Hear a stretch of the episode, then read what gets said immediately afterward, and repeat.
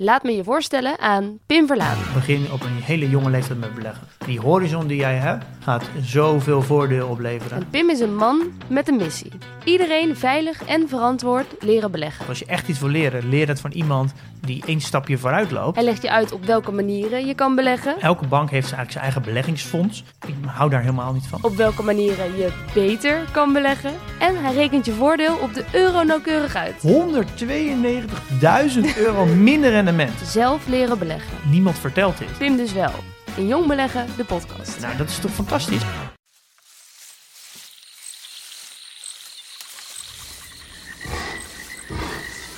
Vandaag geen stampende poten door het struikgewas en.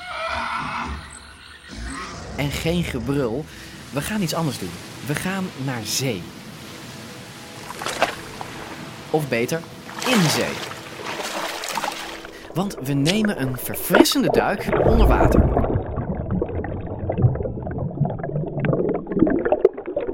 Dat is heerlijk zwemmen, want het water kon toen makkelijk 30 graden zijn.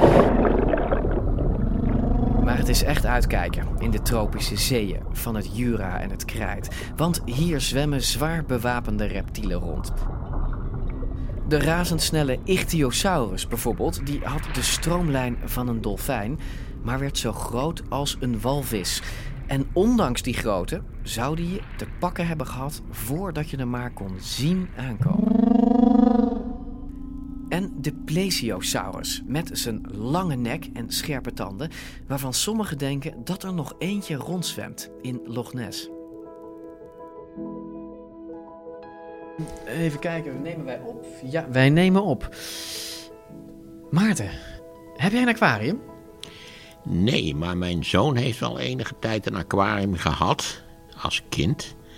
Maar het loopt met aquaria vaak slecht af. Dit was een uh, subtropisch aquarium, dus het er was een verwarmingselement nodig. En ik geloof dat het op hol sloeg. Waardoor het niet alleen subtropisch, maar extreem tropisch was Nee, geworden. die en dat vissen hebben zijn de gewoon visjes, gekookt. dat hebben de visjes niet overleefd. En, en zee dan? Hou je van de zee?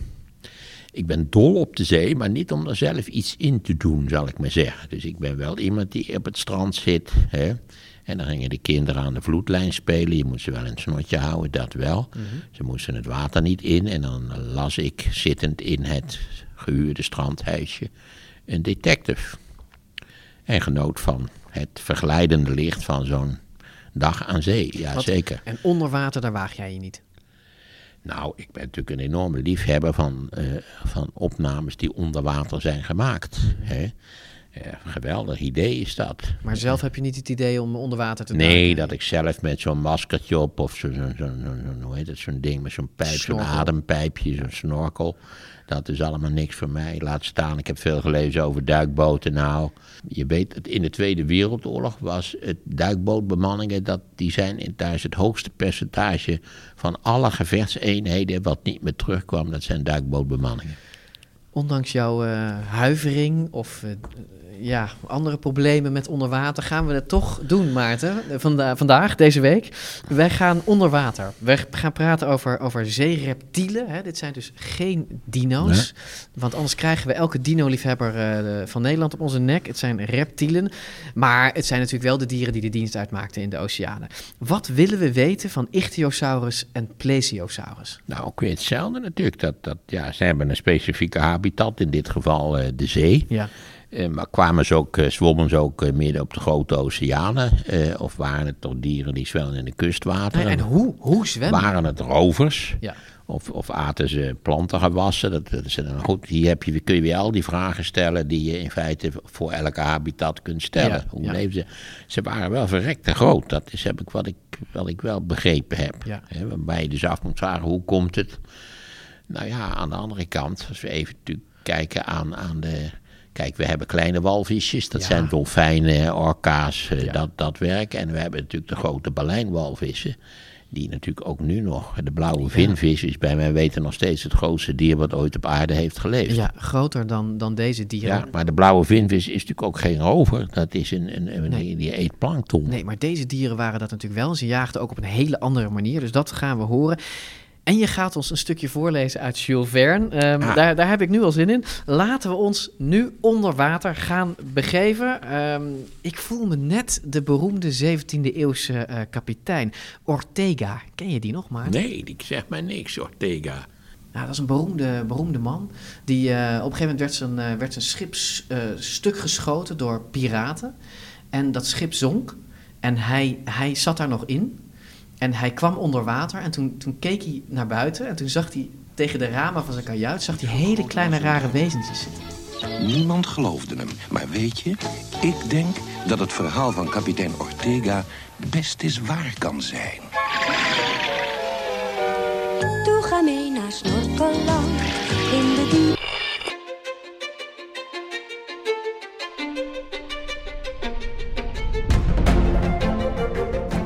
Nemen je mee naar miljoenen jaren geleden... toen de aarde trilde onder de voeten van Triceratops, Stegosaurus... grote langnekken, Tyrannosaurus rex... en resten ontdekt van de grootste dinosaurus De dino die ze vonden is veel specialer dan ze dachten. More than 20 different dinosaur tracks. Elke week worden er nieuwe dino's opgegraven en de ene ontdekking volgt de andere op. Over veren, de kleur van huid, zelfs over het leefgedrag is het beeld wat je had niet meer geldig. Het is tijd voor een nieuwe kennismaking met oude vrienden. In de podcast voor iedereen die vroeger al van dino's hield en nu nog steeds een beetje. Welkom bij DinoCast. Zullen wij naar de Ichthyosaurus, mensen? Ja. Dan, eh, dat is aan onze rechterhand. Ah, dat zijn van die fijne fossielen zijn dit. Zoiets zou je ook thuis best aan de muur willen hebben, toch?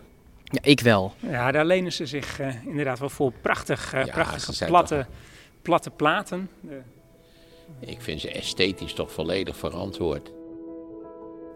We staan bij wat heet een plaatfossiel. Hè, dat inderdaad prachtig aan de muur hangt. Ja, dit is dus geen 3D-skelet waar je omheen kan lopen, maar een gigantische platte stenen plaat waar het skelet ja, van een soort van geplette dolfijn in vastzit. Ja, en dolfijn is misschien nogal een belediging hè, voor een machtig zeereptiel als de Ichthyosaurus, maar het lijkt wel net een dolfijn. Wat je natuurlijk ziet is een kleine dolfijn. Al, al, kijk, eh, de gemiddelde leek heeft geen idee hoe een dolfijn van binnen eruit ziet. Een dolfijn is ook vanzelfsprekend een zoogdier en, en dus niet een amfibie. Maar het ziet er wel uit als een dolfijn, Maar ja. precies, het- we zien hier een hele spitse snuit. We zien een torpedovormig lichaam. Dus dat in zichzelf eh, wijst al een beetje op iets wat heel snel kon zwemmen. Ehm, we zien er eh, spitse tandjes in zitten. Hele grote ogen die iets vertellen over dat ze in ieder geval eh, hun kostje ook op wat grotere diepte bij elkaar eh, scharrelden. Ehm, ja, en met zo'n met zo'n spitse snuit, je snijdt snel door het water. En ik denk dat hij voor de jacht het in dit geval ook vooral eh, van, de, van het tempo en de verrassing eh, zal, eh, zal moeten hebben. Ichthyosaurus. Ja, je had er misschien nog nooit van gehoord, maar dit zeeroofdier was echt ongelooflijk succesvol. Ichthyosaurussen verschenen al voor de dino's, zo'n 250 miljoen jaar geleden. En ze domineerden onze wereldzeeën bijna 100 miljoen jaar lang. Ik vraag me af of wij als mensen überhaupt ooit de 1 miljoen jaar ooit zullen halen. En er waren tientallen soorten van. De kleinste Ichthyosaurus was zo groot als een flinke snoek. En de grootste mat zo'n 26 meter. Net zo groot dus als een blauwe vinvis. Ichthyosaurus is Grieks voor vishagedis. Nou, en dat past wel, want ze begonnen als zwemmende hagedissen, maar ze veranderden hun lichaam in die 100 miljoen jaar dus tot de perfecte gestroomlijnde visvorm. En dan kom ik weer met mijn conferentie. Dat heb ik niet bedacht, dat voel je ook wel, maar het is wel een bekend thema natuurlijk. Dat als je een, een, een beest besluit om wat voor reden dan ook in zee te gaan wonen, dat is natuurlijk een langdurig proces van kleine stappen en, en complexe overgangen, gaan ze maar door. Maar als je nou maar als beest lang genoeg in zee zwemt en je normaal voortplant, zal de evolutie zoiets als dit van je maken. Ja, hè? want het is Stel dus- voor dat wij drie in de zee zouden gaan zwemmen en dan zijn we 2 miljoen jaar verder en dan zien we er ondertussen heel anders uit en beginnen we ook op dolfijnen te lijken. Dat, dat is een onvermijdelijk Als we, proces. ja, als we tenminste naar een niche komen waar een beetje haast eh, geboden is. Want dit is echt het model voor een snelle zwemmer. En dat is inderdaad een convergente evolutie. Het komt eigenlijk altijd uit op zo'n model van eh, ongeveer 4,5 keer zo lang als dat je breed bent aan het, eh, aan het dikste stuk. Eh, dus eh, het, het, het recept voor, eh, voor snelle raketten, torpedo's, eh, ehm, eh, dolfijnen, ichthyosaurussen, snelle haaien, vul maar in, tonijnen. Dus ze doen het allemaal, dus de, de, twee totaal verschillende vissen, maar ook terug naar zee, de eh, afstammelingen van deze dus landreptielen, de ook- zeereptielen. Als we duikboten bouwen, moeten we ook een beetje rekening houden Dan- met dit soort van, Dan van wordt, het een, eh, stroomprofielen. dan wordt het een ichthyosaurus. Ja. En sommige waren bloedjesnel. Ze konden snelheden bereiken van 35 km per uur. Sneller nog dan zeehonden en dolfijnen. Hoe ze dat deden? Niet met hun flippers. Ehm, er zitten flippers bij om, eh, ja, toch vooral om te sturen. Maar je moet even kijken van wat zitten er nou eigenlijk aan botten aan de schouder. Eh, nou, dat zijn niet hele grote schouderbladeren. Dus er is geen grote aanhechting voor zeg maar de kipfilets of andere grote poten om mee te peddelen of zo.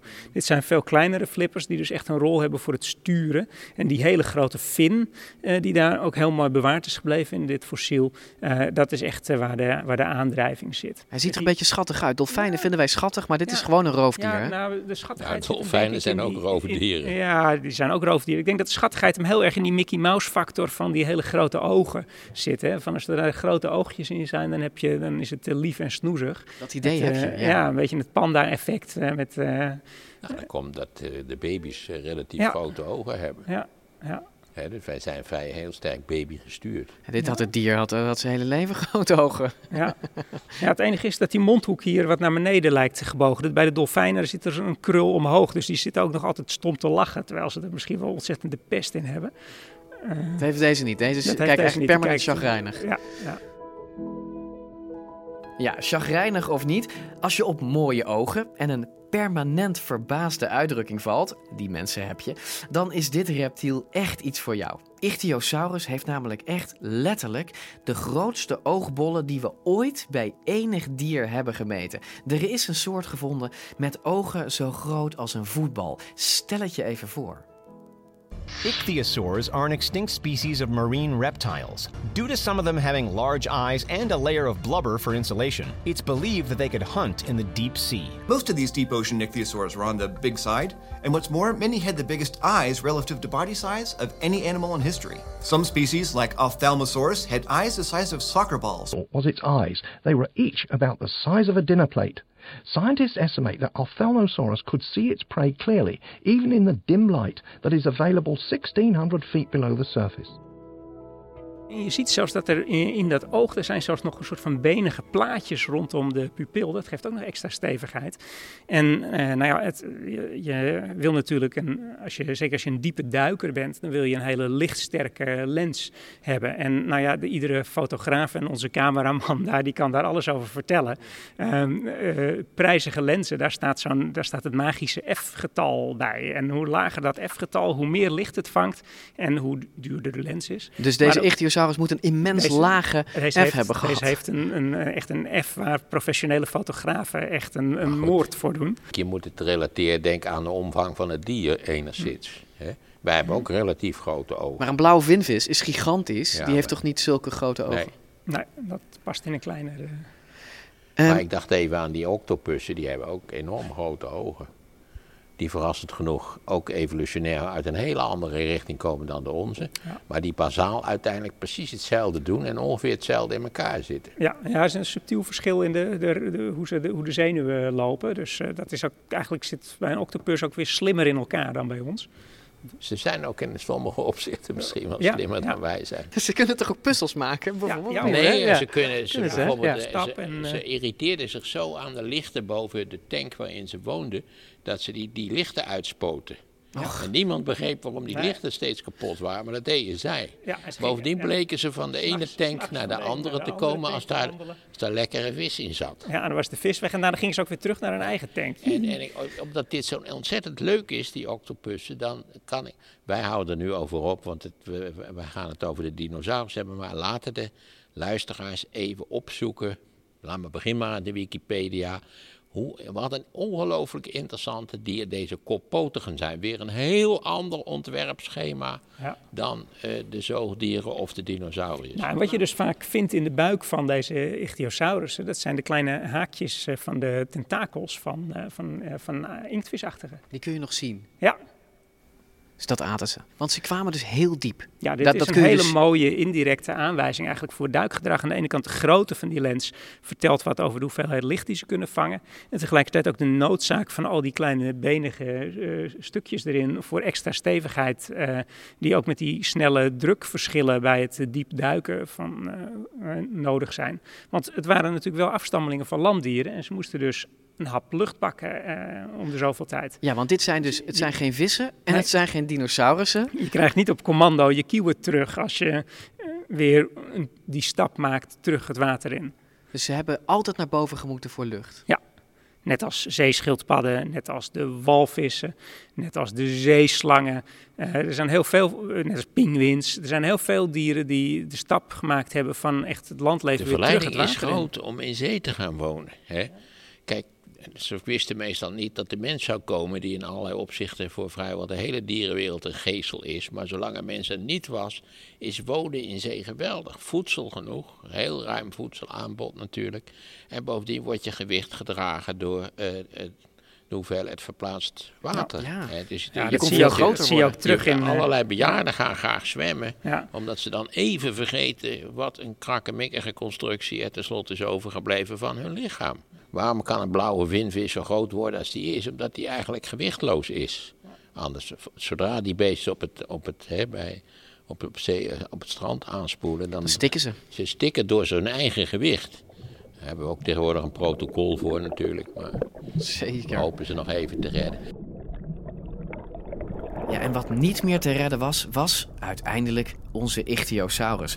Het waren 100 miljoen fantastische jaren, maar toen was de rek eruit en de concurrentie gewoon te groot. En het waren vooral twee andere zeereptielen die onze arme prehistorische dolfijn van zijn onderwatertroon stoten. In het begin van het uh, dinosaurustijdperk waren de ichthyosaurussen echt uh, de heer en meester in zee. Um, later in het dinosaurustijdperk hebben ze plaatsgemaakt voor een aantal andere groepen zeereptielen. Zo'n 100 miljoen jaar geleden kwamen de eerste mosasaurusachtige de zee in. Ook de langnekzeereptielen, de plesiosauriërs, die hebben een, een tijd lang een behoorlijke bloeitijd gehad. Dus je ziet, je ziet door de tijd heen een soort van verschuiving van het zwaartepunt, verschuiving van de macht in, in de zee tussen de verschillende groepen.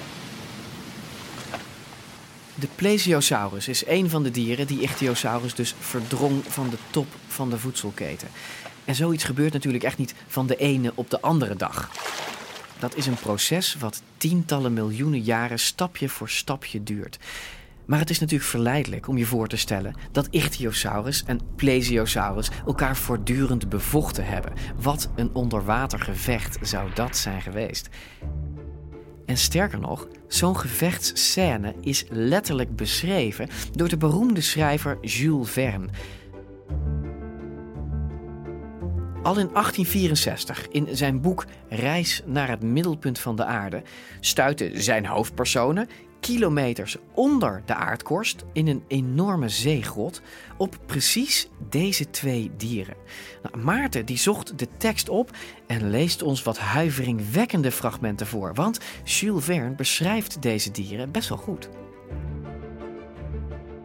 Oké, okay, we gaan naar Jules Verne als je het uh, oké okay vindt. Ja, Jules Verne. Um, daar weet ik van alles van. Ja, Jules. Verne. Um, zou je ons, want we praten zo over Jules Verne, zou je ons allereerst een paar stukken willen voorlezen? D dit is een prachtig uh, verhaal, hè? Um, reis naar het middelpunt van de aarde, waar dus de hoofdrolspelers afdalen in een IJslandse vulkaan. Ze komen in een gigantische onderwatergrot. Ze, ze varen daarin in een, in een onderaards meer en ze komen daar onze twee monsters tegen. Ach, wat Maarten, leuk. Ja. Het is aan jou. Ja, Ja, Jules Verne was altijd heel creatief, maar het was altijd gebaseerd op vermoedens die er al wel waren. Het hele idee van die, uh, van die voyage extraordinaire, zoals dat, uh, dat was, dat die heel dicht bij de wetenschap van het moment bleef. Dus in die zin is het natuurlijk deels verouderd, maar het, het is, was vaak toch voor die tijd verantwoord. Ja, dat zie je hier eigenlijk ook. Hè? Want, want hij beschrijft, en dat gaan we zien, hij beschrijft de Ichthyosaurus en de Plesiosaurus, omschrijft hij echt prachtig, zoals ze in die tijd de eerste skeletten gevonden waren en de eerste analyses gemaakt waren. Ja. Laat maar horen. Ik, uh, dit is oude spelling. Ik zal heel even de oude spelling lezen, zodat iedereen merkt dat het de oude spelling is.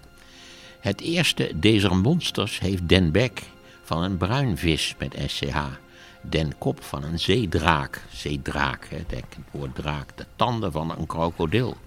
Het is het vreselijkste der voorwereldlijke kruipende dieren, de Ichthyosaurus. Zij dacht dat ze nog kruipende ja. waren. Dat is ja. ook zichzelf wel verrassend. Ja, hij stond toen ook al heel vaak kruipend op de rotsen afgebeeld en zo. Ja. De Plesiosaurus, een slang met een rol rond lichaam en een korte staart, heeft poten in de gedaante van roeiriemen. Haar gehele lichaam is met een schaal bedekt en haar hals, even buigzaam als die der zwaan, steekt 30 voet, dat is dus 10 meter, boven de golven uit.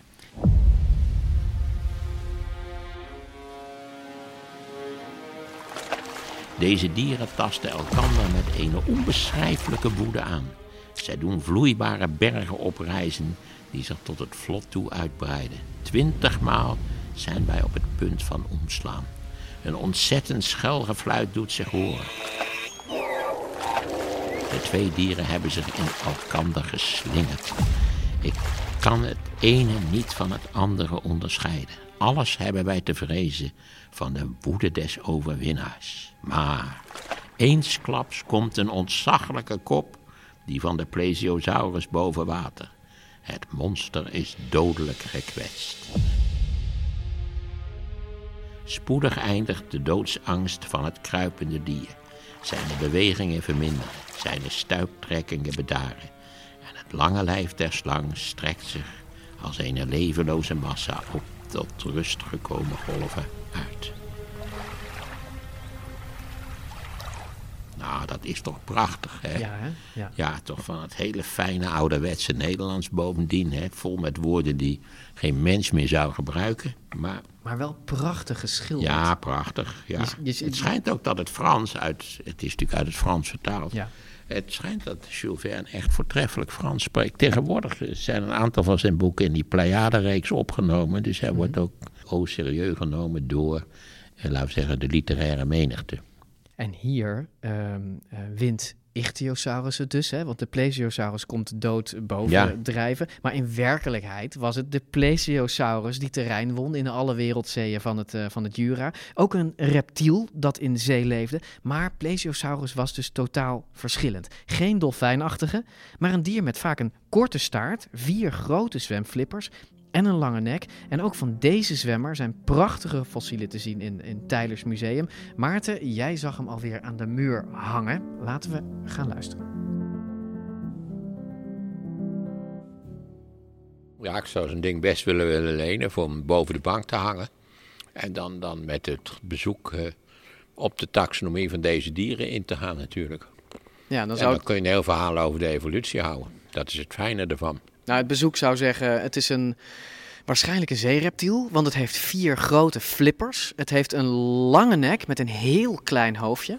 Ja. En een lange staart. Een, een, een, uh, Dit is heel leuk, want deze jongens die leefden tegelijk met die snelle ichthyosaurus. En je ziet echt, dit is een totaal ander, dit is een heel kort, uh, dit staartje, dit, is, de, dit zijn de kortstaart uh, varianten. Maar je ziet hier een enorm plat bot en daar ook hele grote platte botten. Dat zijn echt waar de, waar de schouder zit en waar de heup zit. Enorme aanhechting voor stevige spieren en hele grote flippers.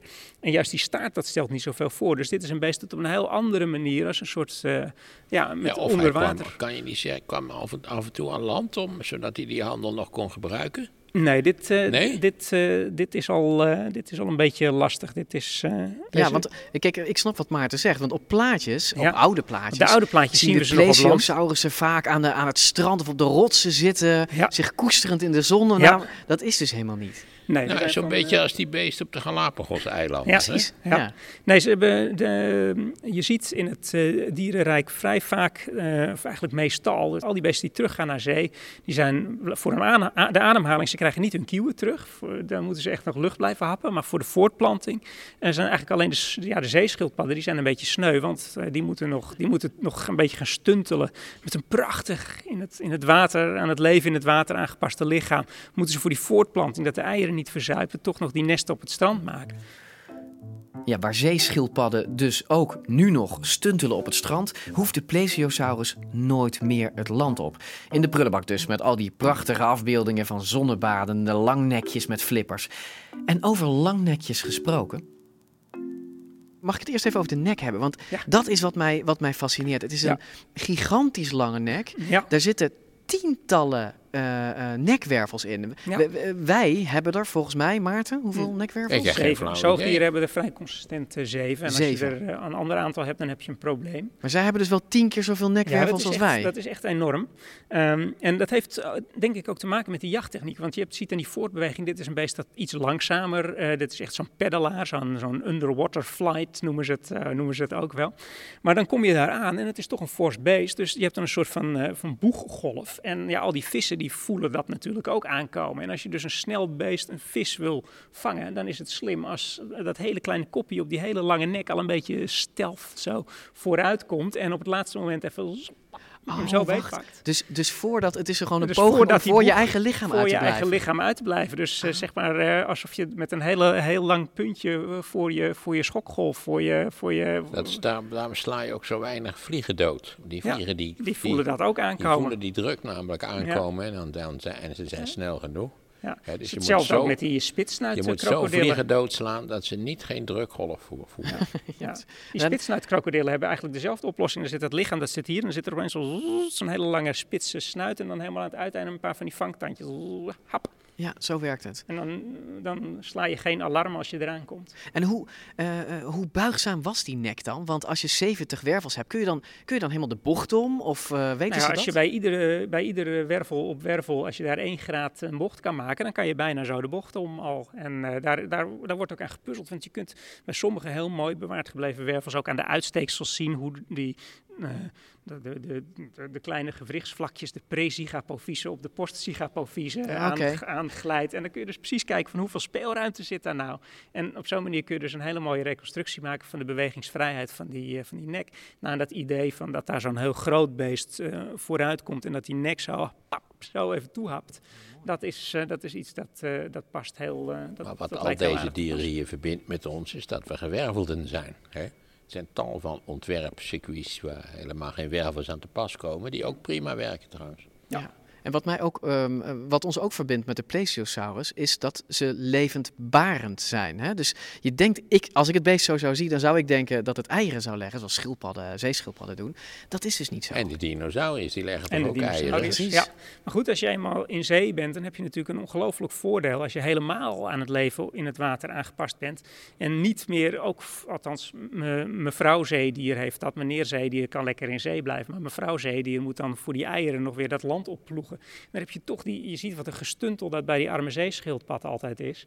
Eh, en, en als je dat gedonder niet meer hebt, dat is wel zo prettig. En nou ja, eh, levendbarend zijn is niet een heel ingewikkeld ding. Want het betekent gewoon dat je het ei binnenin even uitbroedt. Nou, en het is nogal een groot ei, Anne. Want eh, weet je hoe groot die baby's zijn van een plesiosaurus, Maarten? Is dit een volwassen exemplaar of Dit niet? is een kleintje. Dit is een kleintje. En wat mij, wat mij opviel was dat, dat, stel je voor, je hebt een plesiosaurus van een meter of vijf. Oh, dat- dan is dit een heel kleintje, Ja. ja. maar je hebt ze van een meter of vijf bijvoorbeeld. En dan, dan, is een, hè, dan, dan wordt er een kind in gevonden, een, een foetus, van zo'n anderhalve meter. Eh, Dat dat zit is daar dus, wel wat oprolbare nek in, maar zelfs Maar ja, dan zou ik zeggen, denk aan de blauwe vinvis Ja. en zijn jong. hè. Dat is, eh, als je dat bij de viswinkel zou zien liggen, dan zou je ondersteboven zijn. Maar dat is heel leuk, want het zijn natuurlijk verschillende voortplantingsstrategieën. En sommige dieren hebben dat er een paar jongen, waar dan veel aandacht uh, voor is. En daar moeten dus hoge overlevingskansen zijn. Er zijn andere dieren, zoals bijvoorbeeld, kijk, er ligt daar zo'n nest van uh, een langnek-dinosaurus. En uh, ja, daar komt gewoon een hele bak eieren uit. En die, die zoeken het dan maar uit. En nou, we, zien dus, we zien dus dat er soms van die kuddes van, van, van 10 of 12 jonkies voorbij komen. Dan hebben die het kennelijk allemaal voor een deel uitgehouden. Maar we zien dus vaak van die nesten van die langnekdino's waar wel 30, 30 eieren in zitten. 30 eieren. Ja, dat was misschien prima voor langnekken op land, maar niks voor plesiomoeders. Zij hielden het waarschijnlijk bij één jong, wat vast met, met veel aandacht werd verzorgd. En dat weten we omdat er een plesiosaurus moeder werd ontdekt met haar jong nog in de buik. A pregnant fossil was within the remains of a 78 million year old plesiosaur, representing the first known plesiosaur embryo. And the fetus was about 5 feet long. The baby was huge and not even ready to be born. Many parts of the fetal skeleton had yet to turn into bone. This also suggests that plesiosaurs might have lived in groups or taken care of their young. Ja, misschien zwommen er dus groepen plesiosaurussen rond met jonkies ertussenin. Dat lijkt me een prachtig uh, gezicht geweest. Goed, aan het eind van ons gesprek, bij dat grote platte fossiel van Plesiosaurus, brandt er nog één belangrijke vraag op mijn lippen. Mag ik nog één vraag stellen over de Plesiosaurus? Sure. Ten slotte. Die Plesiosaurus is wel een van je geliefde dieren. Nou, helemaal niet. Sorry. sorry. Het, het, het, uh, het, het monster van Loch Ness wil ik het nog even over hebben. Oh ja. De beroemdste Plesiosaurus. Nessie. Sort of, is Nessie, toch? Oh. Ja. Ja. We came from Sweden. We came from Sweden. We, we wanted to see Nessie. We come from Wakefield in Yorkshire and we've come to see Loch Ness because we're trying to see Nessie, obviously. She is the UK's greatest unexplained mystery. Every year, hundreds and thousands of people visit Loch Ness to try and catch a glimpse of the monster. And despite over 1,000 reported sightings, there's still no proof that Nessie is real. Or is there? Or is there? Nog steeds zijn we met z'n allen op zoek naar Nessie. En dat doen we al ruim duizend jaar, want zo lang bestaat de legende al van het monster van Loch Ness.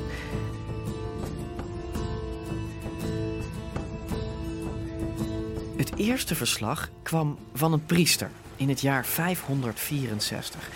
Die zag bij de rivier de Ness een reusachtig monster dat een man aanviel priester hief een kruis op en verdreef het beest in de naam van God. Waarna natuurlijk alle heidenen in de omgeving zich, volgens de overlevering, spontaan tot het christendom bekeerden. Nou, in de honderden jaren erna bleef het monster opduiken en de legende dus levend. Dit zou een plesiosaurus zijn, die zich in de loop van miljoenen jaren heeft aangepast naar zoet water en kleiner is geworden en die zich nu schuw ophoudt in het gigantische meer. Schuw, maar wellicht niet ongezien.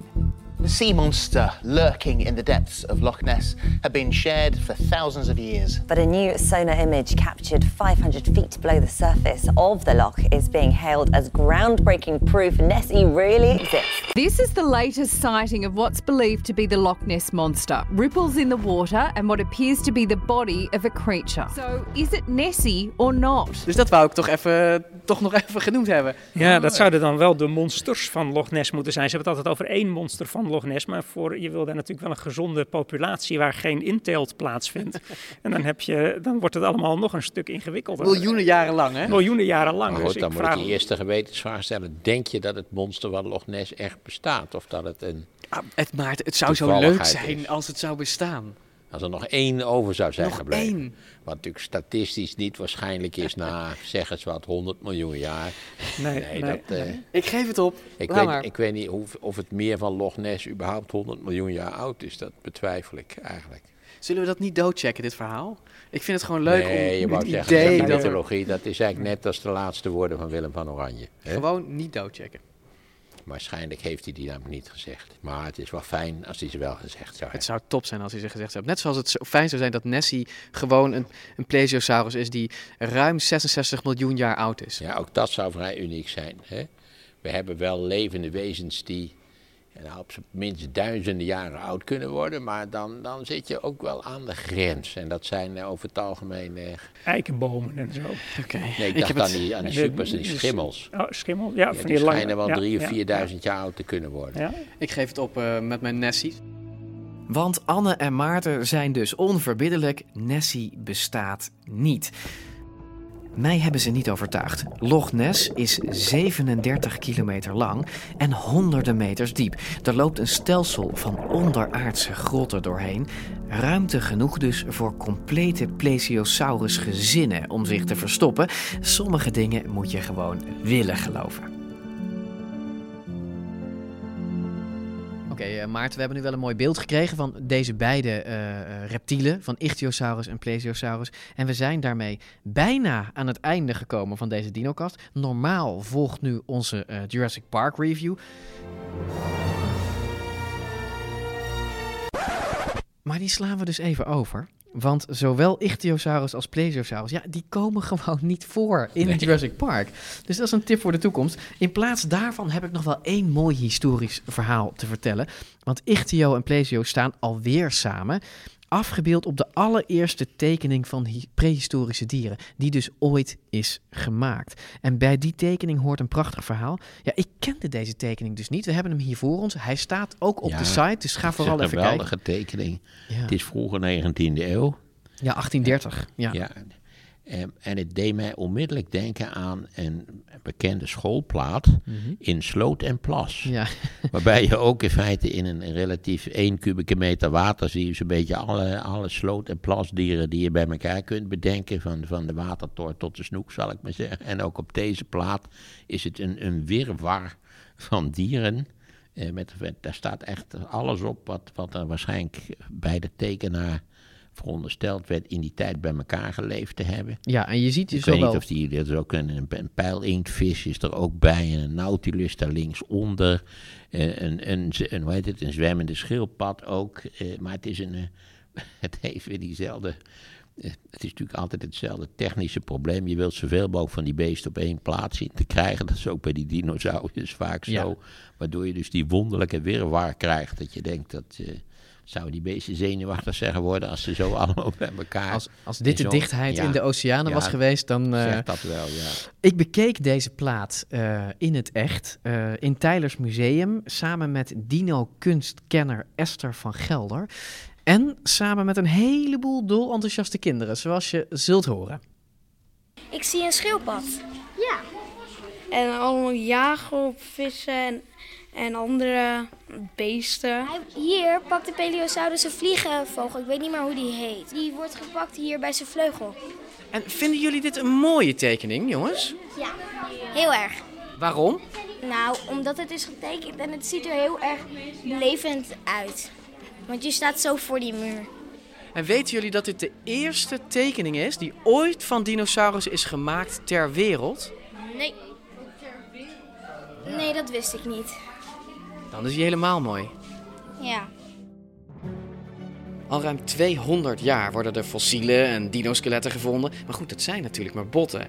Hoe zagen die dinosaurussen er nou precies uit? En misschien nog moeilijker, hoe zag de wereld waarin ze leefden eruit? 200 jaar geleden wisten we bijna niets. Ja, Esther, wij staan hier in het Tylers Museum in Haarlem voor de allereerste tekening die ooit van dinosaurussen is gemaakt. Wat zien we hier? Je ziet hier echt een, een groot zeelandschap eh, met ook een rotsige kust eh, daarnaast. En het is eigenlijk een soort van splitscreen bijna, een soort aquariumbeeld. Ja, want je ziet, je ziet de wereld boven het water en de wereld onder het water, zeg Ja. maar. Alsof we een aquarium in kijken, zeg maar. Ja, je ziet ook een, een, een, een soort zwemmende schildpad, maar dan met een enorm lange nek en hele Ja. gevaarlijke tanden. Ja, je ziet vissen met gigantische stekels. Je ziet, je ziet eh, krokodillen of soort van waar water uitspuit. Ja, ook. zoals een eh, walvis eigenlijk, maar dan ook weer met een enorm- enorme bek en tanden. Maar nog het meest bijzonder is, is dat dit het allereerste landschap is dat ooit getekend is van de oertijd. Voor die tijd werden er geen eh, uitgestorven dieren getekend, wel misschien een skeletten, maar nog niet op een levende manier. Ze vonden natuurlijk heel, heel soms wel eens hele grote botten. Dachten ze dan dat dat, dat dat botten van draken waren of zo? Ja, precies. Draken was één theorie. Uh, vooral omdat heel veel van die beesten... Er werden ook echt grote kaken gevonden, grote tanden. Nou, dat kon niet anders dan dat het van, van draken was. Uh, maar ook hele grote dijbeenden of uh, opperarmbeenderen. En nou, dat moesten wel beenderen van reuzen zijn. Want daar werd ook wel over, in over gesproken in reuzen? de Bijbel. Ja, reuzen. Tuurlijk. Ja, dus draken, reuzen. Nou ja, allerlei grote dieren die nog ergens misschien konden rondlopen. Dat was het idee. En op een gegeven moment veranderde dat idee dus. Hè? Want we staan hier dus voor die eerste tekening. Wanneer is deze tekening precies gemaakt? Ja, deze tekening is uit uh, 1830. En wie heeft dit gemaakt, Esther? Dit is uh, van Henri de la Beche en hij was een paleontoloog. Dat bestond in die tijd nog niet, maar hij was uh, wel gespecialiseerd zeg maar, in de paleontologie en de geologie. Hij heeft ja. gewoon een penseel gepakt ja. en, en hij is gaan schilderen. Ja, het mooie, het is, het is een heel mooi verhaal achter. Uh, hij was goed bevriend met Mary Anning. En Mary Anning was een vrouw, een best wel arme vrouw. die leefde in het zuidwesten van Engeland, bij Lyme Regis. En zij ging altijd met haar vader naar buiten, uh, naar de rotskusten, naar de kalkkliffen. En uh, haar vader die vond daar ook al allerlei uh, botten en skeletten in en wees haar daarop. En toen haar vader stierf, heeft zij eigenlijk zijn werk overgenomen. En zij werd op dat moment, vanaf de jaren 1800, de expert voor nou ja, al, die, al die vreemde skeletten die werden gevonden. Maar Mary Anning was A, een vrouw.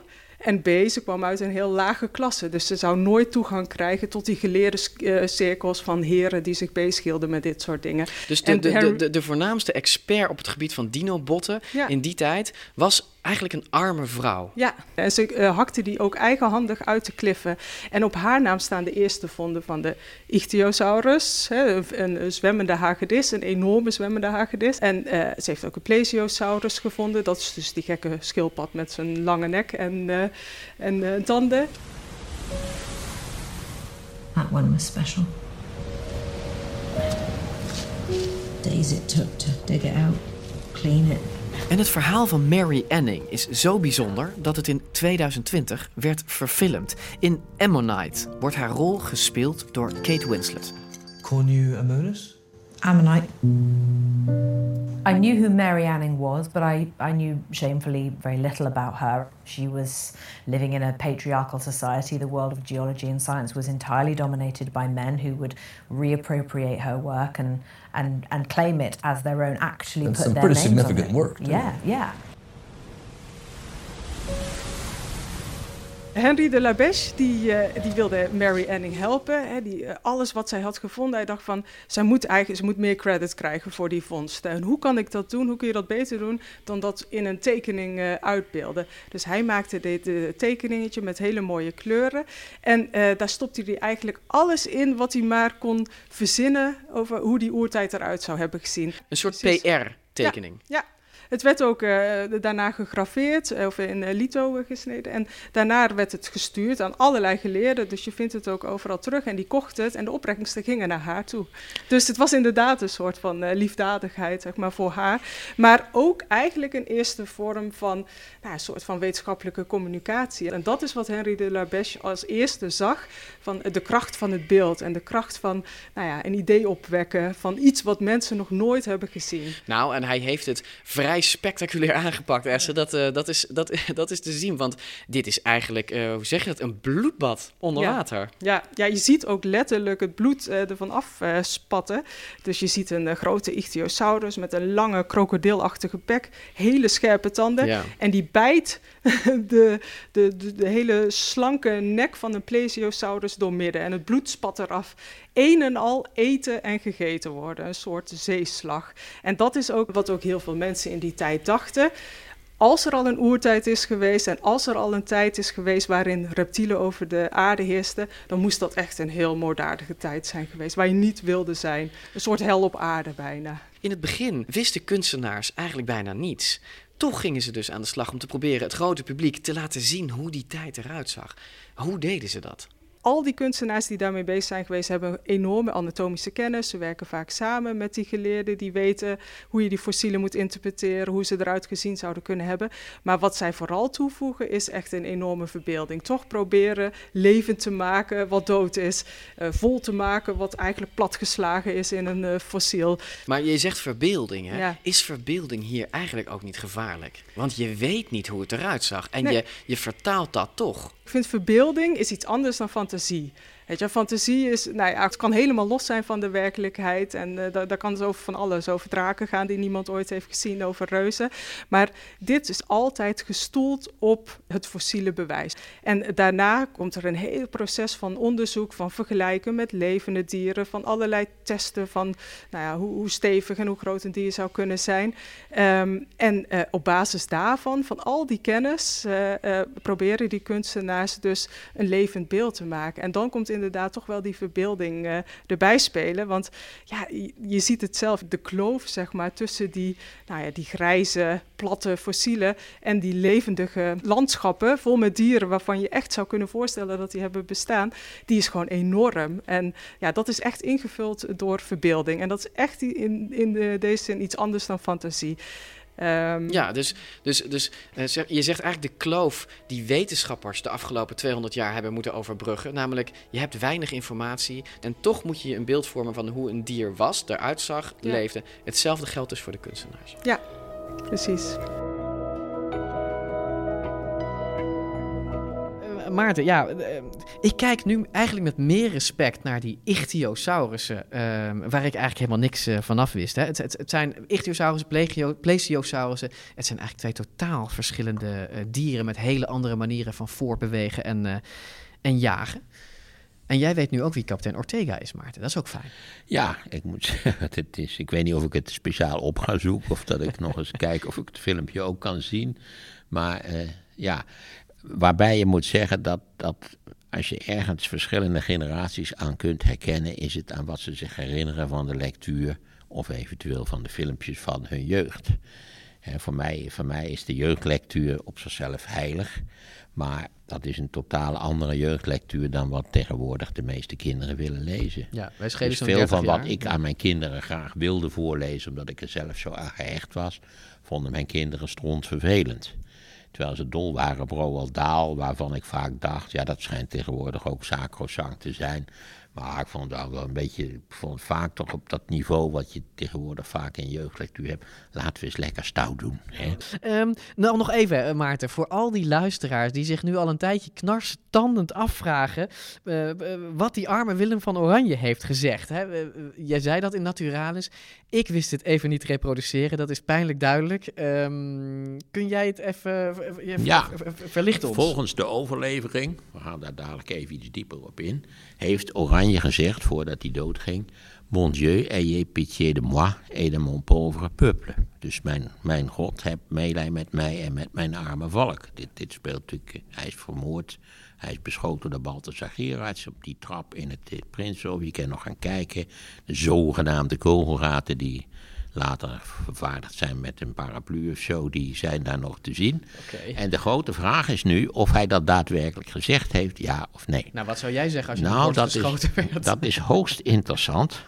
Want het gekke is dat deze getuigenissen die dateren van de dag dat het gebeurd is, maar een nadere analyse van het autopsierapport van de dode Willem zegt, dat is door moderne deskundigen geanalyseerd, die zegt de kans dat hij nog iets gezegd heeft na deze schade aan zijn hart is 0,0. Hij was op slag dood. Ja, hij was waarschijnlijk op slag dood.